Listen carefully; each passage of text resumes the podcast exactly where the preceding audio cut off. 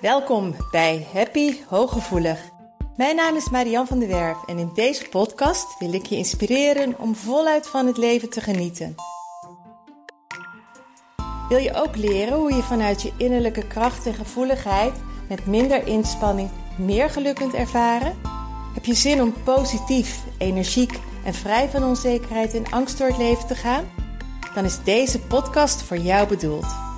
Door mijn werk als therapeut en mijn eigen vallen en opstaan leerde ik wijze levenslessen die ik graag aan jou doorgeef.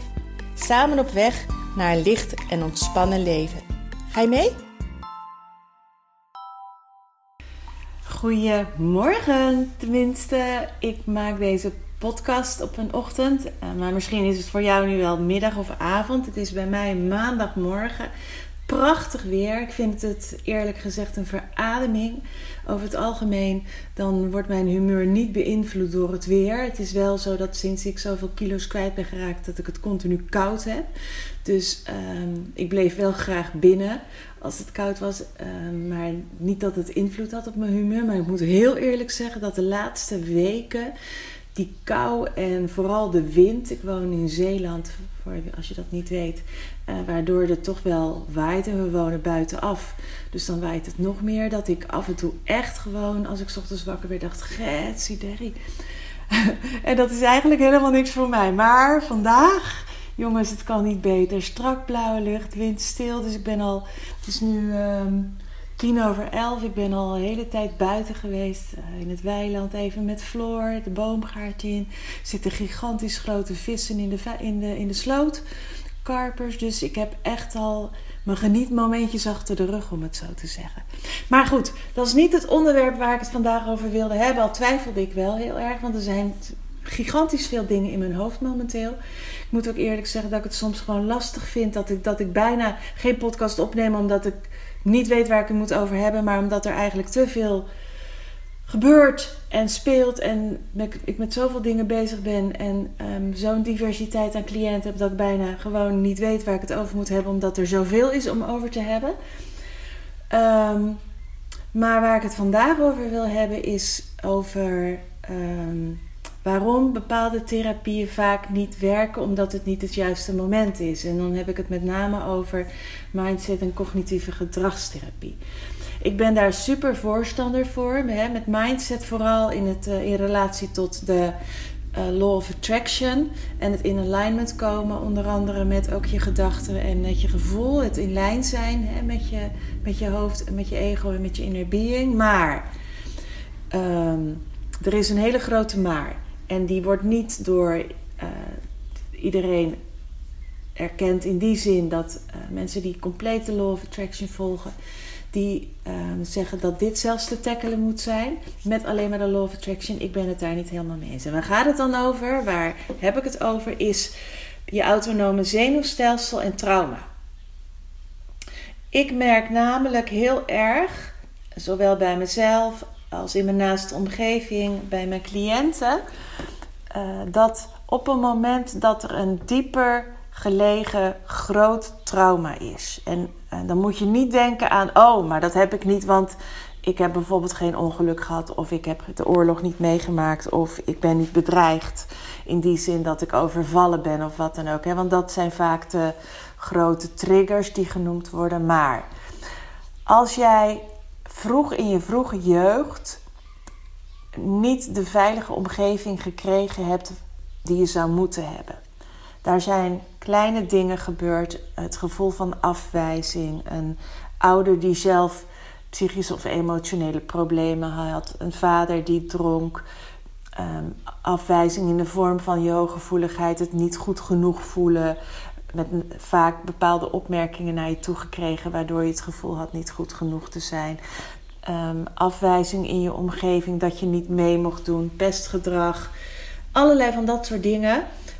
Um, maar ook op latere leeftijd een burn-out, een echtscheiding, een overlijden of in je jeugd met verlies te maken hebben. Dat kan zoveel impact hebben waardoor er een trauma is ontstaan. En dat heeft invloed gehad, en zeker als het al heel van heel, heel, heel jongs af aan is geweest, dat heeft invloed gehad op jouw de werking, het functioneren van jouw autonome zenuwstelsel. En welk stukje heb ik? Je moet dat autonome zenuwstelsel, dan moet je zien als het, het deel van jouw zenuwstelsel wat de dingen automatisch regelt, zoals je hartslag. Daar hoef je niet over na te denken. Ademhalen hoef je niet over na te denken. Ehm, je spijsvertering, je hoeft niet erbij stil te staan. Oh, nu heb ik gegeten, nu moet ik even mijn maag aan het werk zetten. Of nu moet ik mijn darm aan het Oh, ik moet mijn darm aan het werk zetten, want het moet er ook weer uit. Nee, dat gaat helemaal automatisch. En wat ook automatisch gaat, dat is het stukje je, je respons op stress. Het activeren van je stressrespons, dat noem je het sympathisch zenuwstelsel. Wat als er spanning is of als er een auto op je af komt rijden, dat je er niet bijna hoeft te denken: oh, er komt een auto op me af te rennen. Wat, um, eens even kijken, welke tools heb ik dan in handen en wat moet ik nu gaan doen om die auto te ontwijken? Nee, op dat moment neemt je automatisch je autonome zenuwstelsel het over en je springt opzij. Of je ziet je kind ineens bij de waterkant staan. Dan ga je niet nadenken: hé, hey, ze staat bij de waterkant. Wat zal ik nu eens gaan doen? Zal ik er laten staan? Zal ik er erin laten vallen om een ervaring te geven? Nee, dan denk je niet meer. Dan doe je en je trekt het kind bij het water vandaan. Um, dus dat gebeurt automatisch. Dat is je vecht, vlucht, respons die reageert op acute stress. Dus dat is heel, heel mooi. Heel mooi gegaan. Maar als er geen onveiligheid is, of er gebeurt heel vaak iets en het zijn steeds kleine dingetjes, of het is op heel jonge leeftijd, het is heel iets is heel heftigs geweest, dan kan het gebeuren dat, dat die functie daarvan ontregeld raakt. Want wat gebeurt er op een moment dat jij um, heel erg geschrokken bent. Je staat even te shaken. Je zegt woe! Of je uit het. Die lichamelijke uiting komt er. Nu gaat Floor die reageert op mijn geluid. Um, en dan ontlaat het als het ware. Je lichaam laat los. Jij laat los. En dan stabiliseert het weer. En dat is je parasympathisch zenuwstelsel. Dat zorgt ervoor dat ook de boel weer helemaal tot rust komt en dat jij weer in de ontspanningsmodus terechtkomt. Het is anders als je op dat moment dat er een acute stress is, geen kans krijgt om te ontladen. En dat kan zijn als je klein bent, dat je in een um, hele lelijke woorden naar je toe kreeg maar je kreeg niet de kans om er iets van te zeggen. Of er gebeurde iets heel heftigs, je ouders hadden heel erg ruzie, je moeder werd geslagen en je voelde je machteloos. Um, je werd gepest, je werd in een hoekje gedrukt, je werd aangevallen met woorden en je kon je niet verweren. Dan blijft bevriezen over. En als dat in je systeem blijft zitten, als dat daarna er niet uit kan, dan raakt dat die functie van die beweging, het, het stressen en onstressen, stressen, onstressen, raakt ontregeld. En daar kun je op volwassen leeftijd last van blijven houden. Dus, en dat betekent, dat is dus wat ik al eerder heb genoemd in een podcast, misschien heb je die geluisterd, dat je dus kunt reageren, heel heftig, een hele heftige lichamelijke reactie krijgt. In de vorm van angst, paniek, van streek zijn, uh, woede aanvallen. Terwijl dat niet gerelateerd is eigenlijk aan de situatie die er op dat moment is. En daar kun je niet tegen vechten. Um, ik had van de week had ik een, een, een heel mooi uh, gesprek, wat me, wat me overigens ook heel erg raakte, van iemand. En die zei ook van, ik weet wel wat ik moet denken op zo'n moment. Maar het lukt me gewoon niet. Het kan niet. Ik krijg het niet op een rijtje. En dat is precies wat er gebeurt op het moment dat een trauma getriggerd wordt. Dan neemt je autonome zenuwstelsel het over. En dat is ook precies het punt waarom dan op dat moment cognitieve gedragstherapie, je gedachten omzetten, niet werkt. Stel je maar weer even die auto voor die op je af komt rijden. Dan neemt je mechanisme het over en dan wordt de, de koppeling naar je brein wordt even ontkoppeld. Dus je kunt op dat moment ook niet meer nadenken. Dus op een moment dat er een situatie is, of je bent heel erg overprikkeld, of het is een, een soms weet je het niet eens, een gevoel van onveiligheid, of de angst voor afwijzing komt ineens op dan kun je niet meer helder nadenken. En dan kun je ook niet meer eventjes die 5G's erbij pakken. Of in eerste instantie zelfs de denk opnieuw methode. Want eerst is er iets te doen in je lijf. Eerst moet die paniek eruit. Eerst moet die angst eruit. Eerst moet er een ontlading komen. En die is voor ieder persoon heel persoonlijk. Uh, voor de een kan dat huilen zijn, voor de ander kan dat schreeuwen zijn, voor de derde kan dat bewegen zijn. Um, dansen, rennen, sporten, dat is, daar is niet voor ontlading, voor release, voor loslaten van een, een, een traumastukje wat getriggerd wordt, voor een stress. De respons om die te ontladen, dat is voor iedereen heel erg persoonlijk. Voor mij is dat bijvoorbeeld in bad gaan uh, paarden poetsen, uh, maar ook even uh, een, ja, vloeken, vloeken, niet eens vloeken, maar wel even verbaal even een eerste reactie geven. En dat doe ik soms zelfs als niemand erbij is. Want het gaat niet om naar de persoon of naar iemand, maar het gaat om omdat het mijn lijf uit moet. Bij mij heeft er ook zoveel in mijn lijf gezeten. Ik kon ook zo ongelooflijk explosief of van streek reageren of echt in paniek raken. Uh, toen dat nog niet opgelost was. Um, en, en ik wil zo. Ik vind, ik, misschien herhaal ik me met deze podcast, maar ik vind dit zo essentieel dat jij niet blijft lopen daarmee, omdat het een duidelijke oorzaak heeft, maar ook dat mindset op zo'n moment in eerste instantie niet helpt. Wel daarna, na het loslaten. dan kun je weer nadenken, dan kun je gaan beredeneren, dan kun je gaan relativeren, dan kun je gaan kijken welke meest helpende gedachten er is waarop jij kan aanhaken, zodat je je wat rustiger voelt, weer wat kalmer voelt, weer wat dit voelt. En um, waarom dit zo mooi is, dat stukje lichamelijk, als je trauma hebt, en ook sowieso al heel veel gevoelige mensen hebben gewoon trauma, daar kom ik steeds nog weer meer achter. Um, maar sowieso, ook als die niet zozeer een heel erg trauma hebben, hooggevoelige mensen zitten ook heel erg in hun hoofd. En dan ben je heel vaak niet goed gegrond en niet goed in verbinding met je lijf. Maar ook op het moment dat je een trauma hebt, dan is er een soort dissociatie geweest. En je bent bevroren geweest, dus een, jouw lichaam of een stukje van jouw lichaam doet niet meer mee. Dat, dat, daardoor ontstaan er bijvoorbeeld ook ziektes, daardoor ontstaan er ook darmproblemen. En de eerste stap wat je te doen hebt als je trauma hebt, ik ga hier ook nog een blog over maken. Ehm, dus um, op mijn website staan al mijn blogs. Dus dan kun je ook mijn blog nog lezen op zienswijs.nl. is een apart uh, hoofdstukje blogs. Daar staan allemaal gratis blogs ook over dit soort onderwerpen. En over hooggevoeligheid en nog, nog veel meer.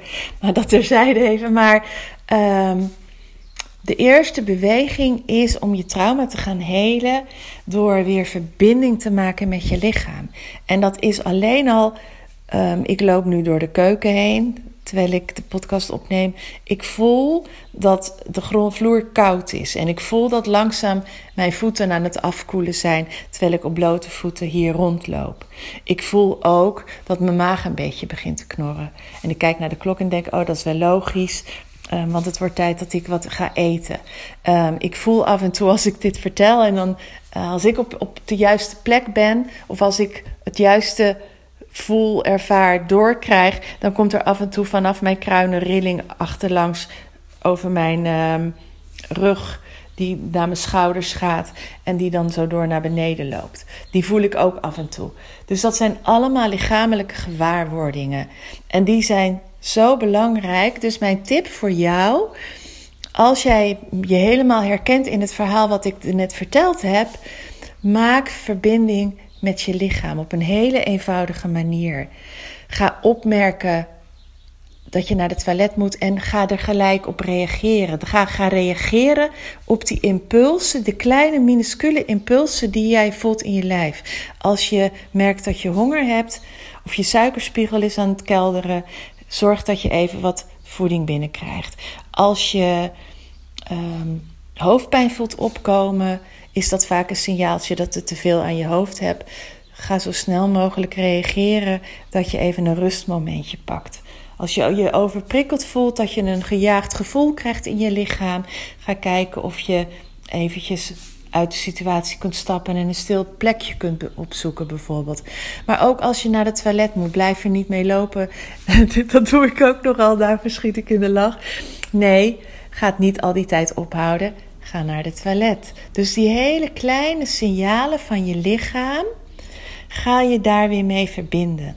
Kom daar weer mee in contact. En ga die impulsen van je lichaam opvolgen. Ga daarnaar luisteren. En dat is de eerste stap naar een stukje heling. Want dan ga je jezelf geven wat je nodig hebt.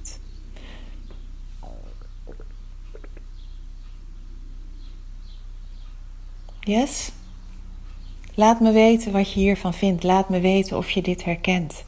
Wil je hier veel meer mee aan de slag? Um, doe dan mee met mijn training Alignment, die 21 juni begint. Die vind je ook, ik zeg nou op de website, moet ik hem wel eventjes gaan koppelen op de website. Een waanzinnig mooie training van 9 weken, waar we veel meer nog ingaan op al die diepe, mooie verbindingspunten.